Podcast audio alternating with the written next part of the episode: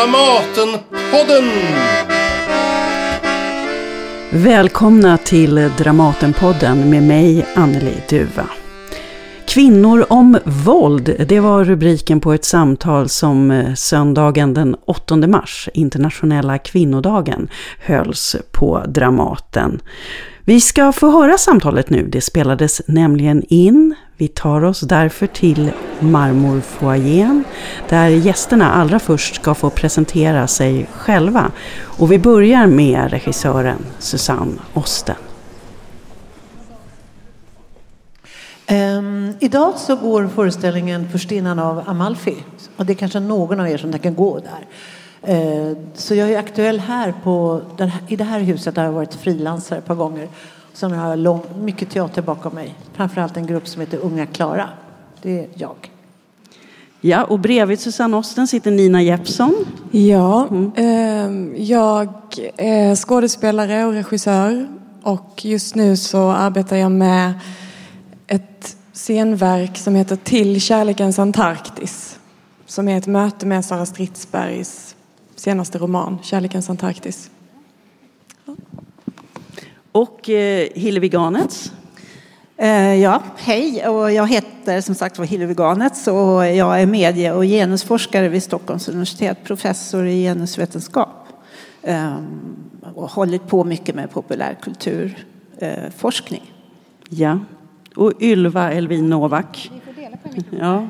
ja, Ylva Elvin Novak heter jag och jag är då inte teatermänniska här kan man säga. Jag är doktor i psykologi och psykoterapeut och också chef för enheten våld i nära relationer som är en enhet inom regionen som jobbar med utbildning och forskning kring våld i nära relation riktat till hälso och sjukvården.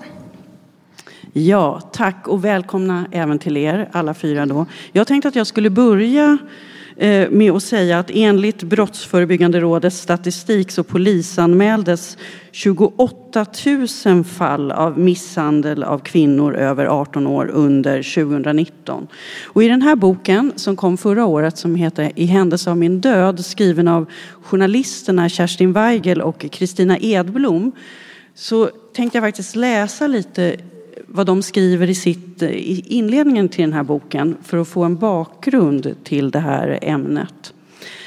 Varje månad dödas i Sverige minst en kvinna i brott som ofta beskrivs som privata tragedier. Sedan decennier har den siffran varit på samma nivå. Varje år dödas i genomsnitt 16 kvinnor. I juni 2019, när vi satte punkt för den här boken, hade 299 kvinnor dödats av en man, exman eller pojkvän sedan 1 januari år 2000. Förvånansvärt ofta har kvinnornas egna röster visat sig finnas bevarade. Det finns ljudinspelningar, filmer, fotografier, journaler, polisprotokoll. Kvinnorna talar till oss genom efterlämnade brev, dagböcker, almanackor, anteckningar på undanstoppade lappar. Flera skriver om sin övertygelse att de kommer att dödas. Kvinnorna var 15 till 91 år och arbetade som kallskänka, advokat, lokalvårdare, lärare, väktare, kantor, psykolog, kontorist, läkare, kokerska, butiksbiträde, mekaniker, flygvärdinna, tågkontrollant. De flesta slogs ihjäl hemma, i köket, i badrummet, i vardagsrummet, på tröskeln, i trapphuset, på vinden. Den vanligaste mordplatsen är kvinnans egen säng de dödades med brödkniv, yxa, stekpanna, telefonsladd, rep, koppel, svärd, sten, kofot, hantel. De blev strypta eller kvävda. Fem brändes till döds, tre dränktes, 48 sköts, några trampades till döds. De efterlämnade tillsammans 246 minderåriga barn, för 179 minderåriga barn var det pappan som dödade mamman. 92 var hemma vid brottet, av barnen alltså. 51 såg sin mamma dödas. Flera barn försökte ingripa. Eh, och jag heter för den delen Anneli Duva. Jag är dramaturg och redaktör här på Dramaten. Jag glömde bort att säga det. Men jag tänkte börja med dig då Ylva som är den som jobbar närmast verkligheten så att säga rent konkret av de som sitter här. Känner du igen de här beskrivningarna som jag just läste upp? Vill du lägga till någonting till dem? Eh, ja, att 2019 var det 22 kvinnor som blev dödade. Det var alltså en ganska rejäl uppgång. Och det vet man ju inte om det är en uppgång som eh, är, ja, om den kommer att fortsätta eller om det var specifikt för 2019. Eh, annars kan man väl säga att den där beskrivningen är ju då vad ska man säga, den, den beskrivning som ligger allra längst ut i ytterkanten. Det här är ju inte det vanliga våldet. Det vanliga våldet är vardagsvåldet. Det är liksom också mycket det latenta våldet. Att gå omkring och veta att eh, om jag gör sig eller så eller inte gör sig och så, då kan det hända. Det finns många kvinnor och för all del en del män också som ju vi träffar som lever med våld där det fysiska våldet, det är inte det vanligaste våldet. Om man tittar på liksom ett utsnitt i svenska befolkningen så är det ungefär 2% som är utsatta för fysiskt våld och det är faktiskt lika vanligt för kvinnor och män. Det som skiljer våldet bland kvinnor och män är att våldet mot kvinnor är mycket allvarligare och mycket mer systematiskt. Och kvinnor söker vård i mycket högre utsträckning än vad män gör. Um, mm. ja. Du nämnde den här skillnaden nu lite grann. Alltså man brukar skilja på fysiskt, psykiskt och sexuellt mm. våld i första mm. hand. Ja, när man pratar om våld i nära relationer så är ju det anknytningsvåld i bemärkelsen att det huvudsakligen rör sig mellan människor som har någon typ av ganska stark relation. Eh, man är i en kärleksrelation men det kan också vara våld mellan vuxna barn och eh, föräldrar. Det är en typ av våld som man gärna glömmer bort men som inte är särskilt ovanlig faktiskt. Eh, ja, man brukar skilja mellan fysiskt, psykiskt och sexuellt våld. Eh, och eh, som sagt, det fysiska våldet det är, inte, alltså det, är det som dödar naturligtvis. I alla fall där någon annan dödar. Det psykiska våldet kan döda på andra sätt. Men det, det, man kan väl också säga det att psykiskt våld är inblandat i alla typer av våld. Man kan inte vara utsatt för fysiskt våld utan att också vara utsatt för psykiskt våld. En våldtäkt kan aldrig in, inte innehålla psykiskt våld så att säga. Men däremot det vanliga är ju psykiskt våld. Mm. Eh, och när det gäller sexuellt våld så är kvinnor mycket mer utsatta i ett livsperspektiv än vad män är. Och framförallt unga kvinnor. Mm. Ett begrepp som eh, dyker upp när man läser om de här frågorna så är det ju normaliseringsprocessen mm. Som det kallas. Skulle du kunna beskriva den eller ni andra kanske också har något att säga om just det? Ja, det skulle jag säga. Det är en liksom, allmänpsykologisk process som vi alla ägnar oss åt eh, mer eller mindre som man kan applicera på våld och som man behöver förstå för att förstå varför man är kvar i en våldsrelation. En våldsrelation börjar sällan med en snyting. Alltså, går man på en dejt och så får man en snyting då är det, inte så, då är det ofta ganska lätt att avbryta.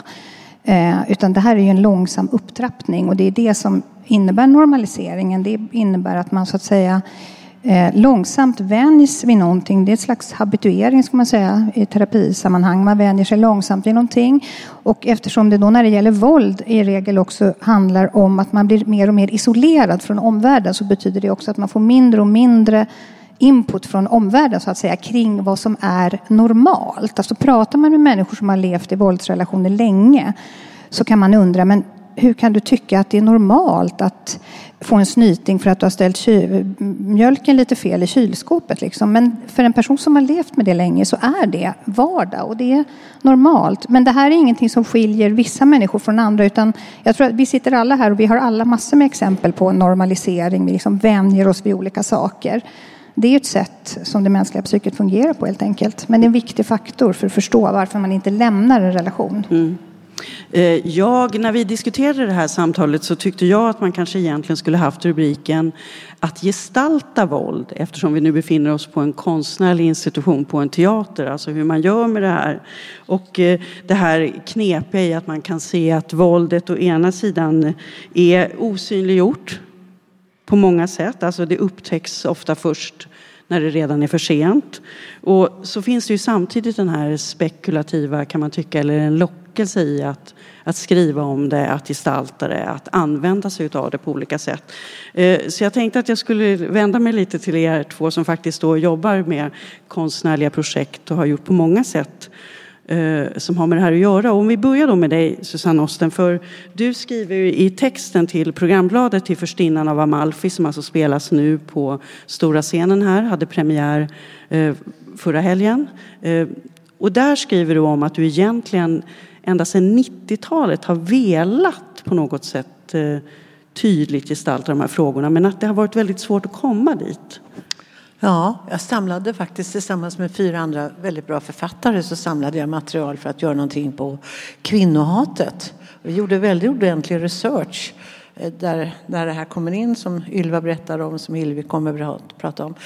Ehm, vad som hände med mig var att jag tappade allt mer och mer lust. Jag, tapp, jag blev deprimerad och inte lite skraj också det, det kröp in på mig på något sätt så att jag tänkte jag lämnar det här projektet. Jag har nästan aldrig lämnat någonting.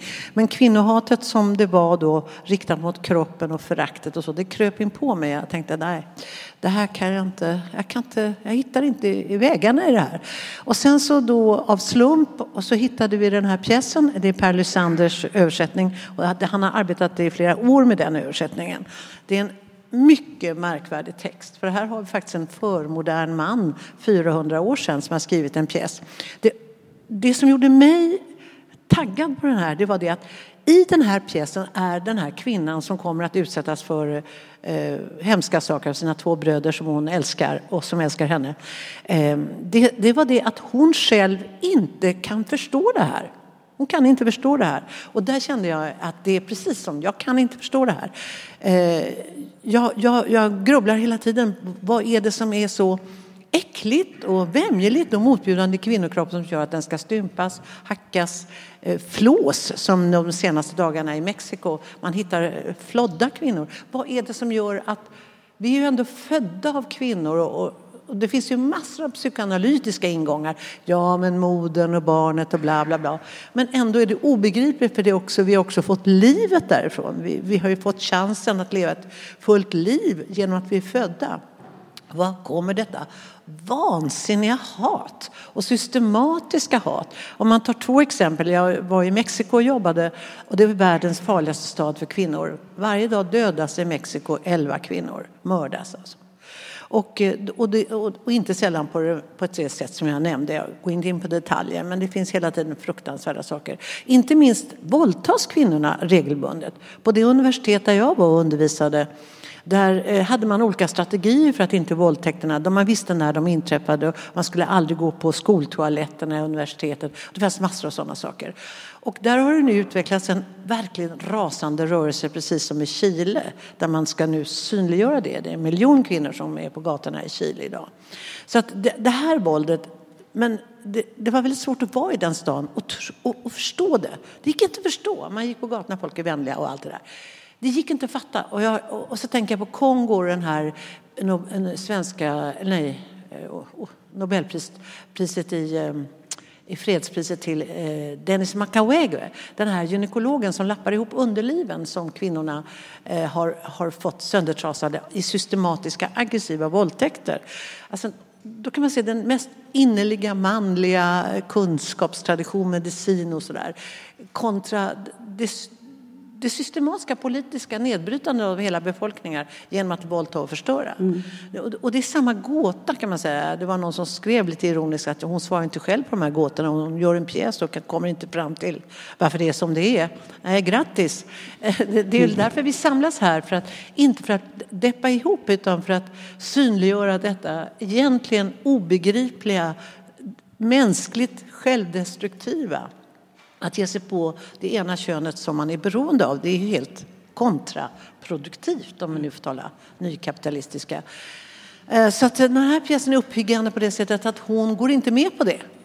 Och man kan säga att hon är, hon är så modernt arrogant som jag själv. Jag går inte med på det. Jag går bara inte med på detta.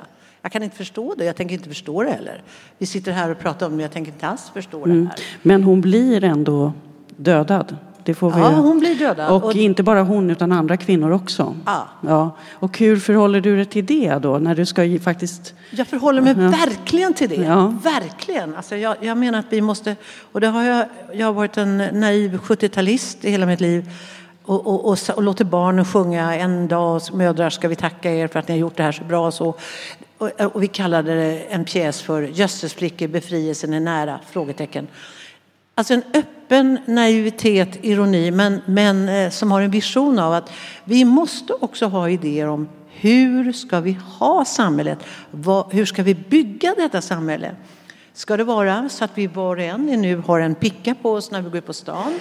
Eller ska vi eh, bygga ett helt annat samhälle där inte våldet är institutionaliserat?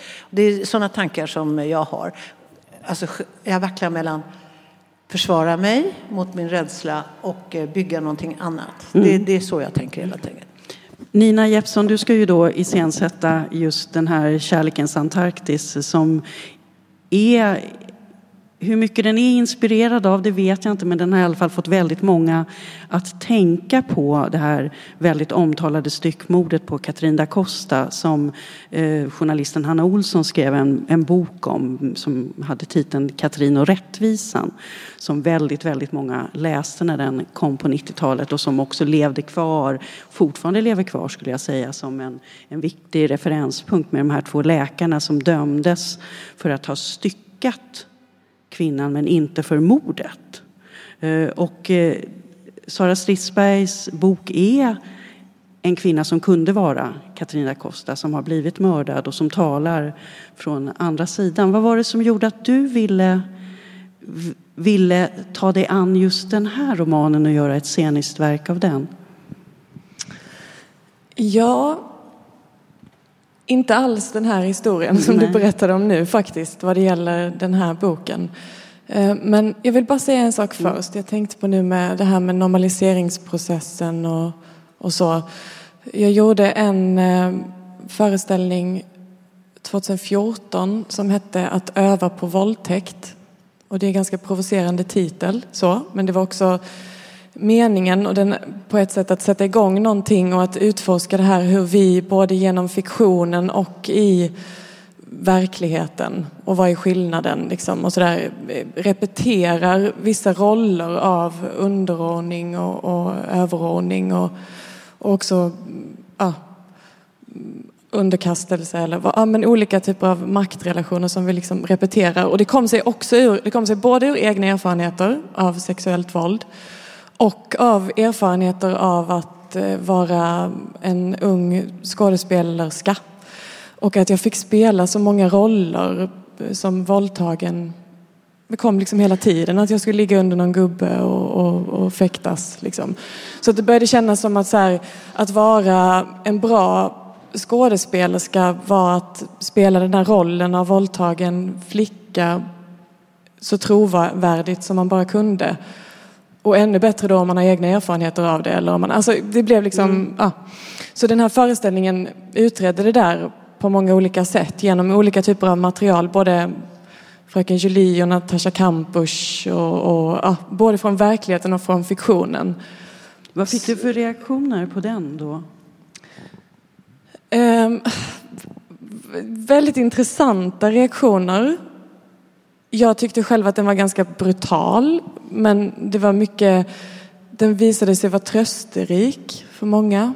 De upplevde det som en tröst. Att man överhuvudtaget talade om de frågorna då? Eller? Ja, och jag tror också i den, precis som, som nu då, jag kan säga någonting om mitt arbete också med Kärlekens Antarktis, men i den, för mig så handlar det väldigt mycket om inom, inom eh, vad ska man säga, att om man gestaltar den utsatta eller gestalta offret. Att hon får vara, eller är, ehm, väldigt många olika saker och inkonsekvent. Att hon inte behöver vara ren på något sätt. Liksom. Att hon kan ha destruktiva lustar eller längta in i natten eller vara ett svin eller, ha, alltså, eller vad som helst. Eller vara god. Eller, ja. Så jag tror att jag undersöker ganska mycket den här platsen alltså som skådespelare um, när jag gör monolog, att öva på våldtäkt var också en monolog. Detta verket kommer också bli en monolog. Att den som talar är, hon är en plats, en väldigt stor plats, en väldigt stor karta med väldigt många olika mm, landområden och terränger och väldigt eh, eh, får, får lov att vara väldigt inkonsekvent. Och det tar inte bort någonting av vad som görs mot henne. Nej. Alltså, ja, det, det tänker jag bara, och det tyckte jag också när jag såg genomdraget av din föreställning Susanne. Och Maja Hansson Bergqvists fantastiska roll där och så, att det verkligen är jätteviktigt att hon är så mycket och inte förstår och förstår och är grotesk och eh, har roligt och är kåt och är bortskämd och mm. älskar och är, alltså, ja.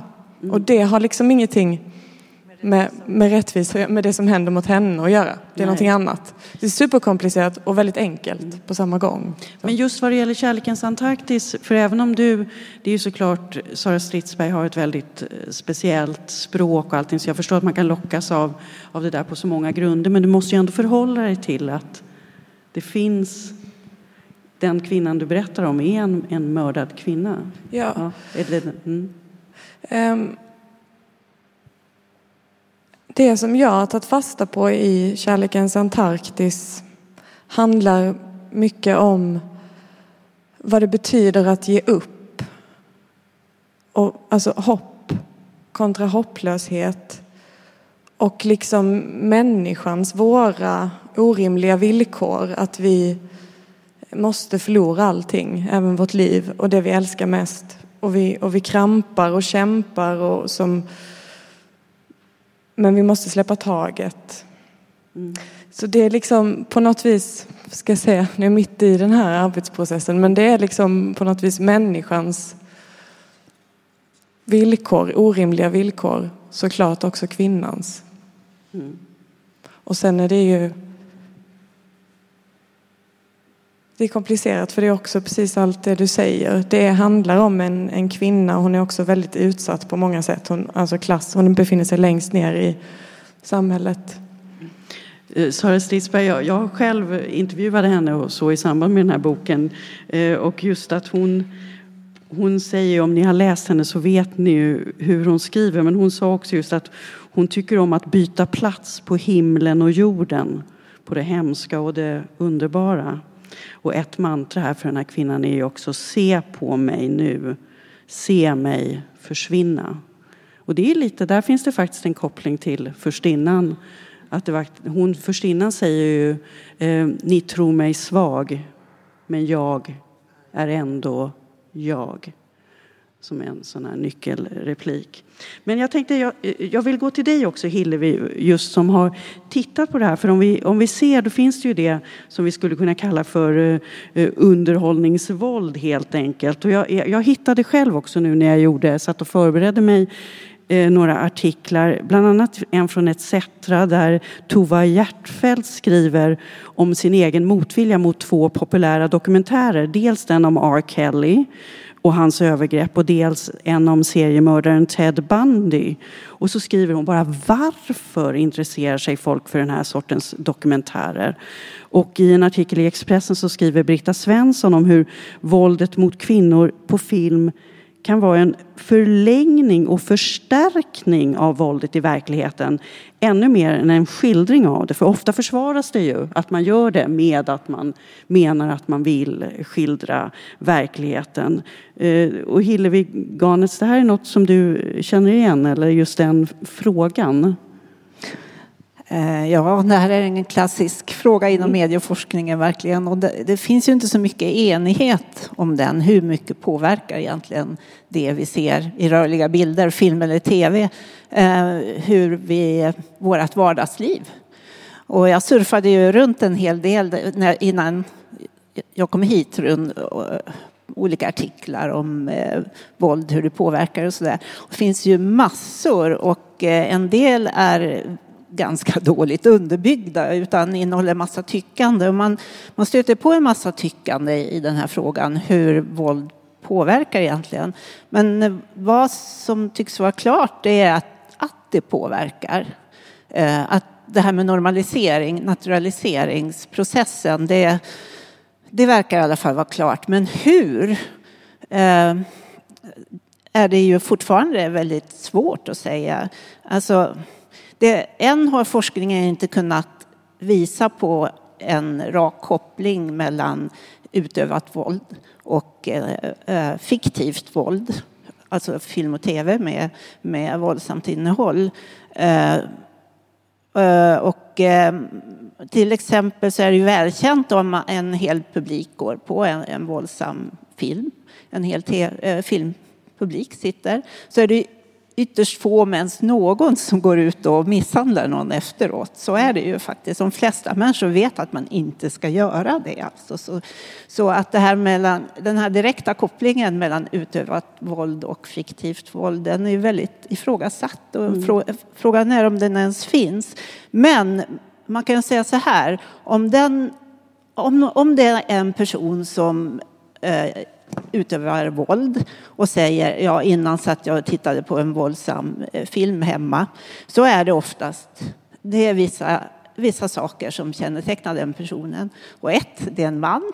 Eh, två, eh, han har en kriminell bakgrund. Eh, han kommer från ett socialt stigmatiserat område. Han har dålig utbildning, eh, problem i familjen och så vidare. Och så vidare. Och då kan, man, då kan ju det här våldsamma innehållet vara droppen som får bägaren att rinna över. Så, så kan det ju vara. Men då är ju frågan, är det inte den här sociala bakgrunden då som är roten till våldet? Är det verkligen det här fiktiva mm. våldet som är, är roten? Men samtidigt, jag vill inte försvara medierna på något sätt, men alltså, jag vill bara förmedla att det här är en knepig fråga. Det, det är svårt att, att peka på liksom, att fiktivt våld skulle vara eh, framkalla eh, reellt mm. våld. Men ändå så, så eh, påverkar det oss. Det, det säger forskningen också. Men hur, det vet man fortfarande nej, nej. inte riktigt. Du håller ju på också med ett nytt forskningsprojekt som är betitlat metoo-aktivism i Sverige. Utveckling, konsekvenser, strategier. Eh, och eh, det fokuserar på själva processen, alltså de månader mm. då metoo-upprop sköljde över Sverige och det som hände efteråt. Och jag såg också nu att på Göteborgs universitet så ger man faktiskt en kurs som har rubriken Mäns våld mot kvinnor. Eh, och där, de beskriver den som att med metoo-uppropet hösten 2017 så formades plötsligt en ny social rörelse som satte ord på kvinnors, tonåringars och flickors gemensamma erfarenheter av diskriminerande förtryck. Och, alltså det är intressant att jag har kommit till den nivån. Jag tänker här utgår jag från att ni alla har saker att säga. Alltså, vad, vad, för det första, om jag stannar vid dig Hillevi, så får ni andra fylla på sen. Men alltså, hur ser du på kopplingen mellan det här forskningsområdet, alltså metoo som forskningsområde och som process och, och skeende och eh, det här som vi pratar om här idag? Eh, ja, det är klart att det finns en, en koppling. Eh, om man ska gå hur våld mot kvinnor skildras i press det här jag pratade om förut, det var ju fiktion. Men hur det skildras i press Eh, så är det ju fortfarande inte speciellt bra, kan man väl gott säga. Nej, men vi har gjort jättestora översikter över det som publiceras i samband med metoo. Då. Och eh, det är ju slående liksom det här att eh, ja, vi visste inte att det var så här mycket och så här hemskt och så där. Och det har funnits forskning om, om sexuellt våld, jag vet inte hur många år. En av de första kom 2001, Slagen dam till exempel, som hade hade precis samma Eh, definition av sexuellt våld där trakasserier ingår som WHO. Så att det har funnits jättemycket forskning om det där. Så ja, det är verkligen märkligt att eh, en märklig ignorans. Men så kommer ju metoo och eh, då märker man ju hur pressen då vacklade mellan det som inom medieforskning, eller vacklar, nej men det som inom medieforskningen kallas the rape myths. Alltså våldtäktsmyten eh, kallas det inom forskningen. Och det är den här idén att antingen är den här kvinnan som utsatts fullständigt oskyldig eller också har hon förtjänat det. Och den bilden finns fortfarande faktiskt, till vår stora förvåning. Så mm. var mycket av det här, och det var ju speciellt runt de här kändispubliceringarna. För inom metoo, vill jag säga, inte ett enda namn publicerades i något upprop. Så där, där finns inga namnpubliceringar överhuvudtaget. Utan de publiceringar som gjordes var mediedrivna. Ni vet Jean-Claude Arnault och Virtanen och, och Timell och sådär. Och, och det som skrevs där, det, de kännetecknades just av den här våldtäktsmyten som har existerat i pressen i jag vet inte hur många årtionden och att den är fortfarande aktuell och trots metoo var någonting som förvånade oss. Mm. Men vad säger du Susanne Osten med din långa erfarenhet Ja, alltså det, om man ska bryta ett dödläge, om man tänker så här att vi kan aldrig få en kvinnlig president, tänker man i USA. Det visar sig inte, det är, det är bara män. Eller om man tänker att det kommer aldrig bli så att eh, eh samkönade kan gifta sig och få barn. Eh, så tänkte man säkert för 20 år sedan. Det kommer aldrig bli så. Alltså, de där eh, stadfästa sanningarna att det går inte, det är ju dödläget. Men om man eh, måste tänka, och det är där jag, eh, där, där jag gillar Judith Butler. Mm, hon har kommit ut med en ny bok som, där hon, och hon intervjuade New Yorker, det kan alla läsa. En jättebra intervju av Marta Gersen. Men hon, hon talar om att vi har en, ett, vi måste tänka orealistiskt, annars kan vi inte bryta dödlägen. Och eh, jag ser ju i den politiska kampen, aktivismen, om vi säger så. Grupp 8 som jag har mycket erfarenheter av. Vi började säga otänkbara saker. Vi vill ha daghem till alla barn och vi vill ha fri abort. Och, ja, vi sa otänkbara saker.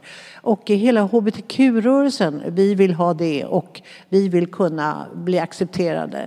Ehm, Black Lives Matter, till exempel hela den rörelsen i USA nu med det ohyggliga våldsmonopolet det landet har mot de svarta började formulera sig när man sköt tonåringar på gatan ut som var obeväpnade. Det har fått en enorm kraft. Om vi liksom tänker att aktivismen, Greta Thunberg, hela den miljonrörelse, hon har 10 miljoner följare. Hela den rörelsen är en aktivistisk eh, rörelse som tänk, börjar säga otänkbara sanningar.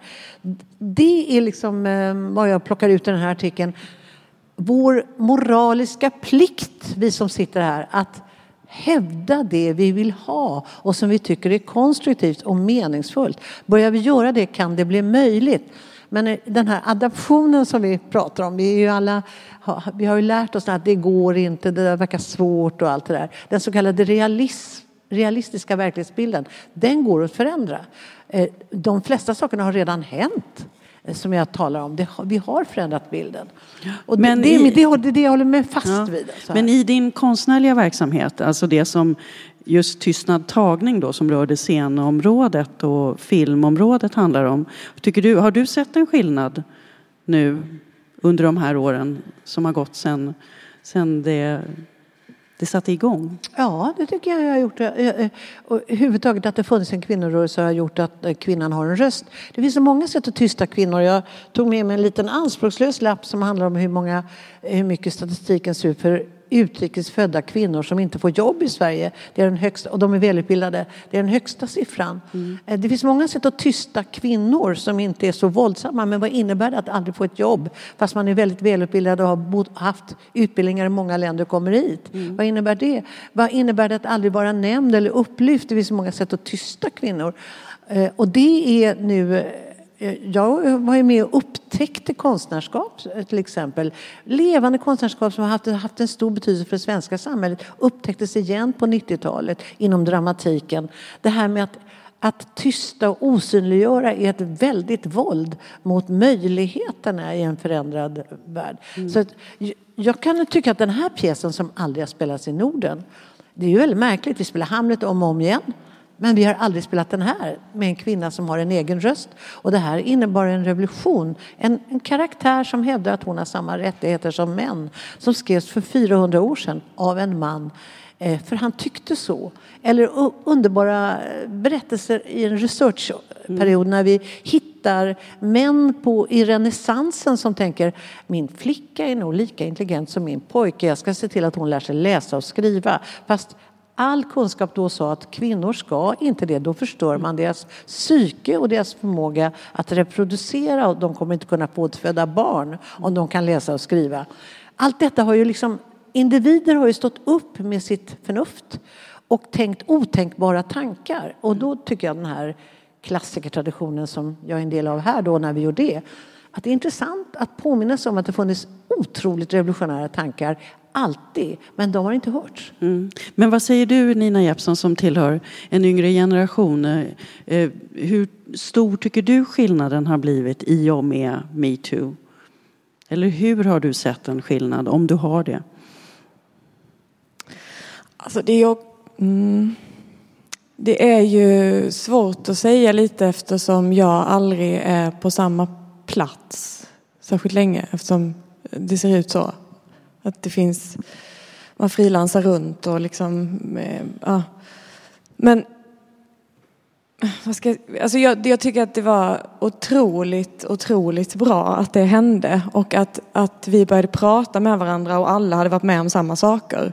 Och det blir svårare för dem att hålla på. Mm. Alltså, eh, och de ska bort liksom. Så det, det, det, är klart att det var, det var skitbra att det hände.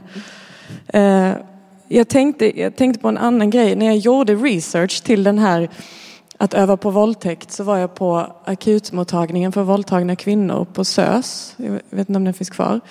Men då fick jag en information som jag tycker är så himla störd och intressant. Och det är att de kvinnor som inte... Alltså alla kvinnor som hade blivit våldtagna eller flickor som kom dit blev lämnade av sina manliga partners, av sina pojkvänner. Om det inte var pojkvännen som hade våldtagit dem. Apropå detta med, jag tänker på detta med renhet eller hon var värd. Alltså det är något, och det här också, var kommer det här hatet ifrån och det här liksom, hur ligger det i vår kultur, hur man ser på eh, kvinnans sexualitet eller vilja eller mm. ja. För det är ju faktiskt helt stört mm. tycker jag. Alltså det, det, är ju någonting där då, då är det något som har blivit, då är, då är det inte hans längre. Även om det var en våldtäkt, även om det var mot hennes vilja. Känner du igen det Ylva från din Alltså jag tänker också det här att du sa att det har blivit ännu fler fall. Har det också att göra med att det är fler som vågar komma fram? Har det, finns det också ett samband där? Eller? Nej, alltså, det vet vi inte. För att de, de, fall som, som vi vet statistiskt, eh, det gäller ju de som är dödade. Mm. Eh, så att säga. Ja, och det, och, ja precis. Mm. Att det, alltså, det har hänt någonting 2019. Den statistiken är väldigt mycket högre kring just dödade kvinnor. Och det vet man ju ännu inte. Men eh, mottagningen för våldtagna finns fortfarande kvar. Den heter dock inte mottagning för våldtagna kvinnor utan den heter mottagning för våldtagna nu för tiden. Eh, och det säger också någonting om att det är inte bara kvinnor som drabbas av detta. Jo, men jag, jag kan känna igen det naturligtvis, det här som, som ni beskriver och som du också beskriver Hillevi med våldtäktsmyten. Det här att man liksom, antingen så är det ens eget fel eller så är det liksom, kommer det från, som en blixt från klar himmel. Alla de exempel jag vet så är det här ju någonting som liksom Ja, som också normaliseras på något sätt. Alltså, vad, är, vad är vad? Och när har man gått med på det och när har man inte gått med på det? Så det blir liksom i en, i en kontext.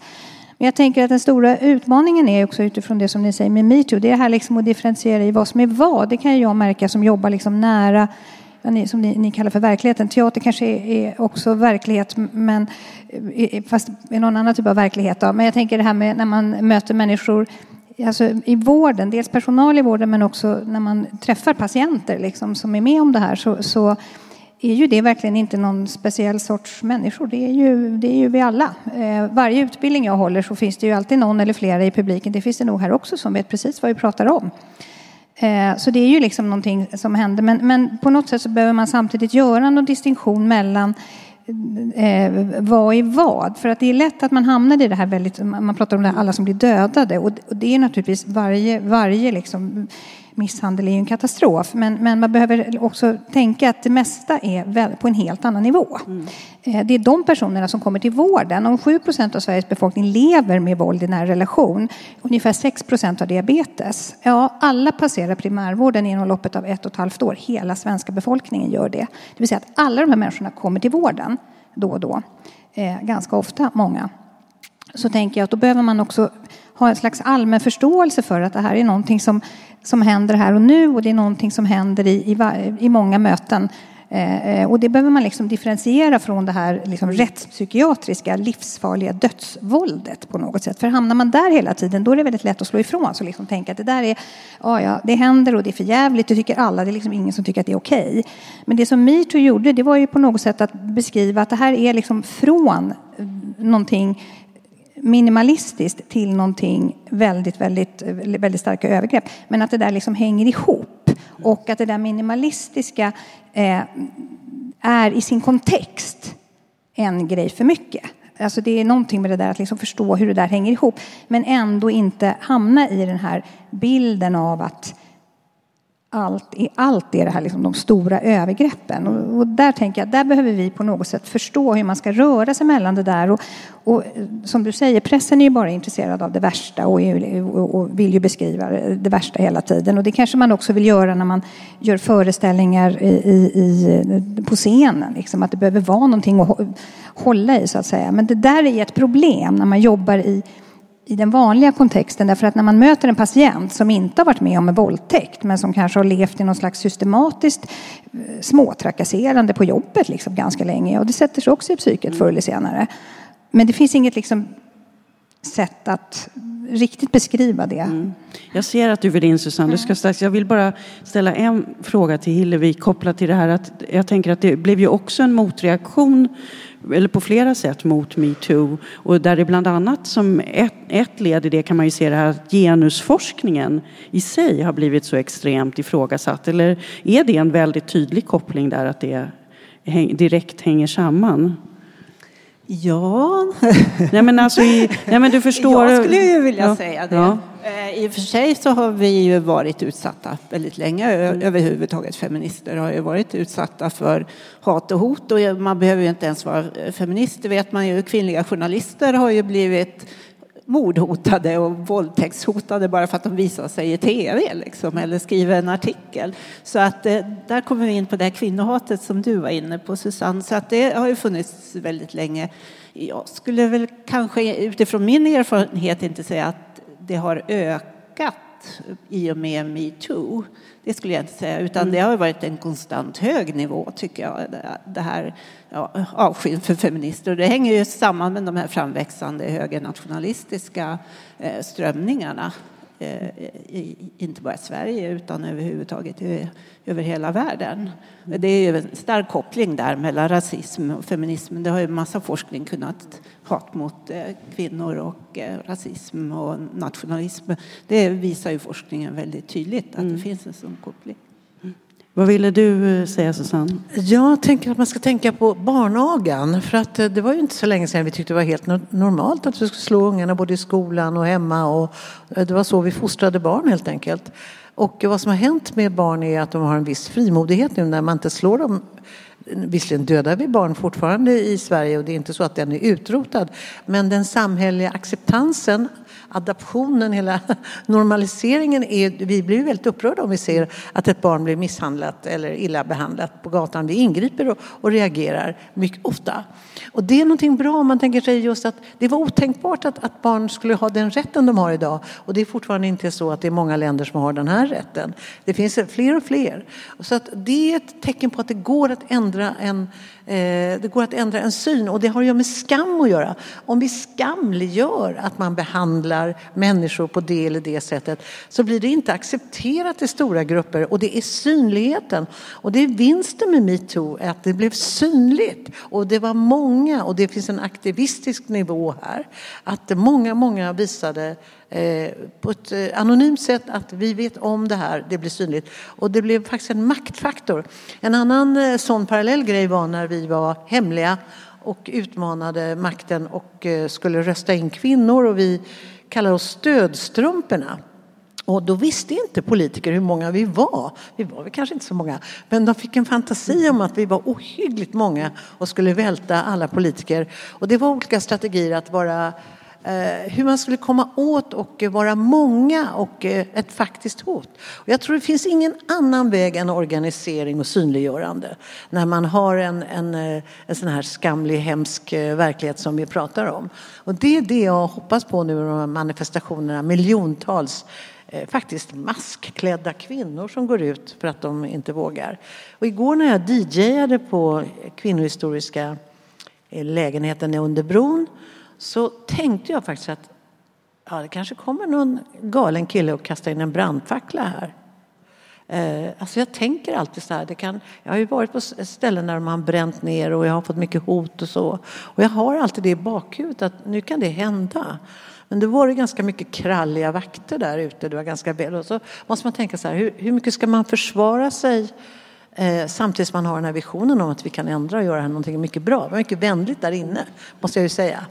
Och var är alla männen eh, som eh, ska tycka att det här är lika viktigt? Var är de i de här diskussionerna?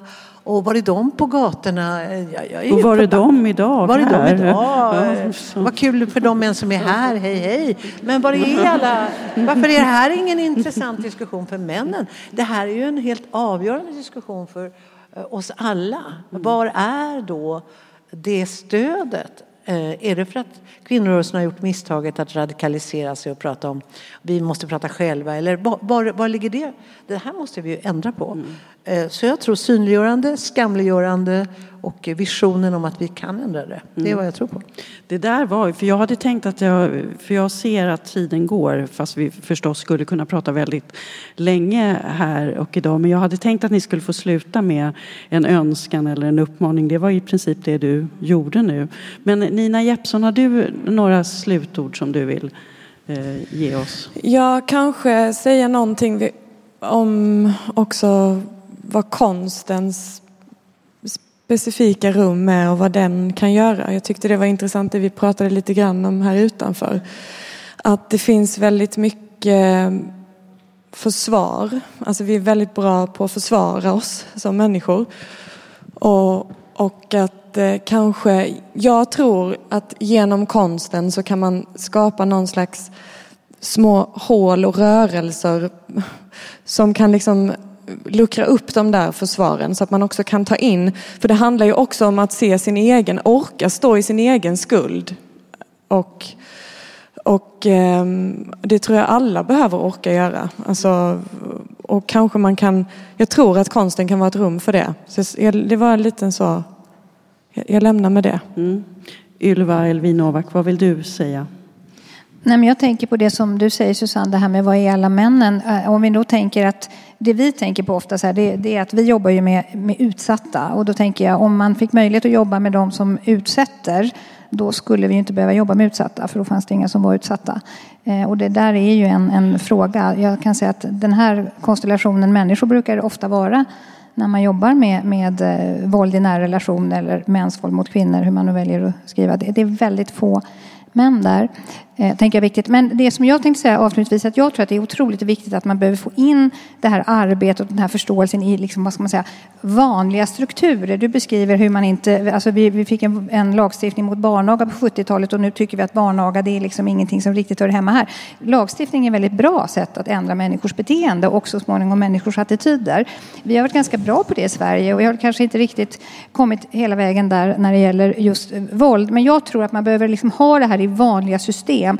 Man behöver, min del som i vården, då behöver man förstå att det här är liksom människor som drabbas av alla möjliga olika åkommor som har att göra med våld. Och det behöver man adressera på samma sätt som man adresserar diabetes. Man kan liksom inte säga, ja men om de berättar något så kanske vi gör någonting. Utan man behöver liksom hitta system. Och jag tänker att det gäller alla samhällets institutioner. Att det här är inte liksom en aktivistfråga utan det är en fråga som behöver adresseras inom våra ja, de reguljära systemen som vi har. så att mm. säga. Jag, hittade, jag hade faktiskt, som jag skrev ut också, att det finns en nationell strategi för att förebygga, förebygga och bekämpa mäns våld mot kvinnor. Och då står det bland annat alltså, um, att under många år har både ideell och offentlig verksamhet mot mäns våld mot kvinnor vuxit fram. Trots detta är våldet ännu omfattande och kostsamt, framförallt för den enskilda kvinnan och flickan, men också för samhället vars ansträngningar hittills har tenderat att hantera våldets konsekvenser snarare än dess orsaker. Regeringens ambition är att verka för en omorientering från ett reaktivt till ett proaktivt förhållningssätt och att främja utvecklingen av effektiva åtgärder för att förhindra både att våld utövas och att våld upprepas. Och så fortsätter så. Men så det finns i alla fall en, det finns en ambition. Sen vet man ju inte i, hur snabbt det går eller hur väl man lyckas. Men det, det arbetas i alla fall för detta.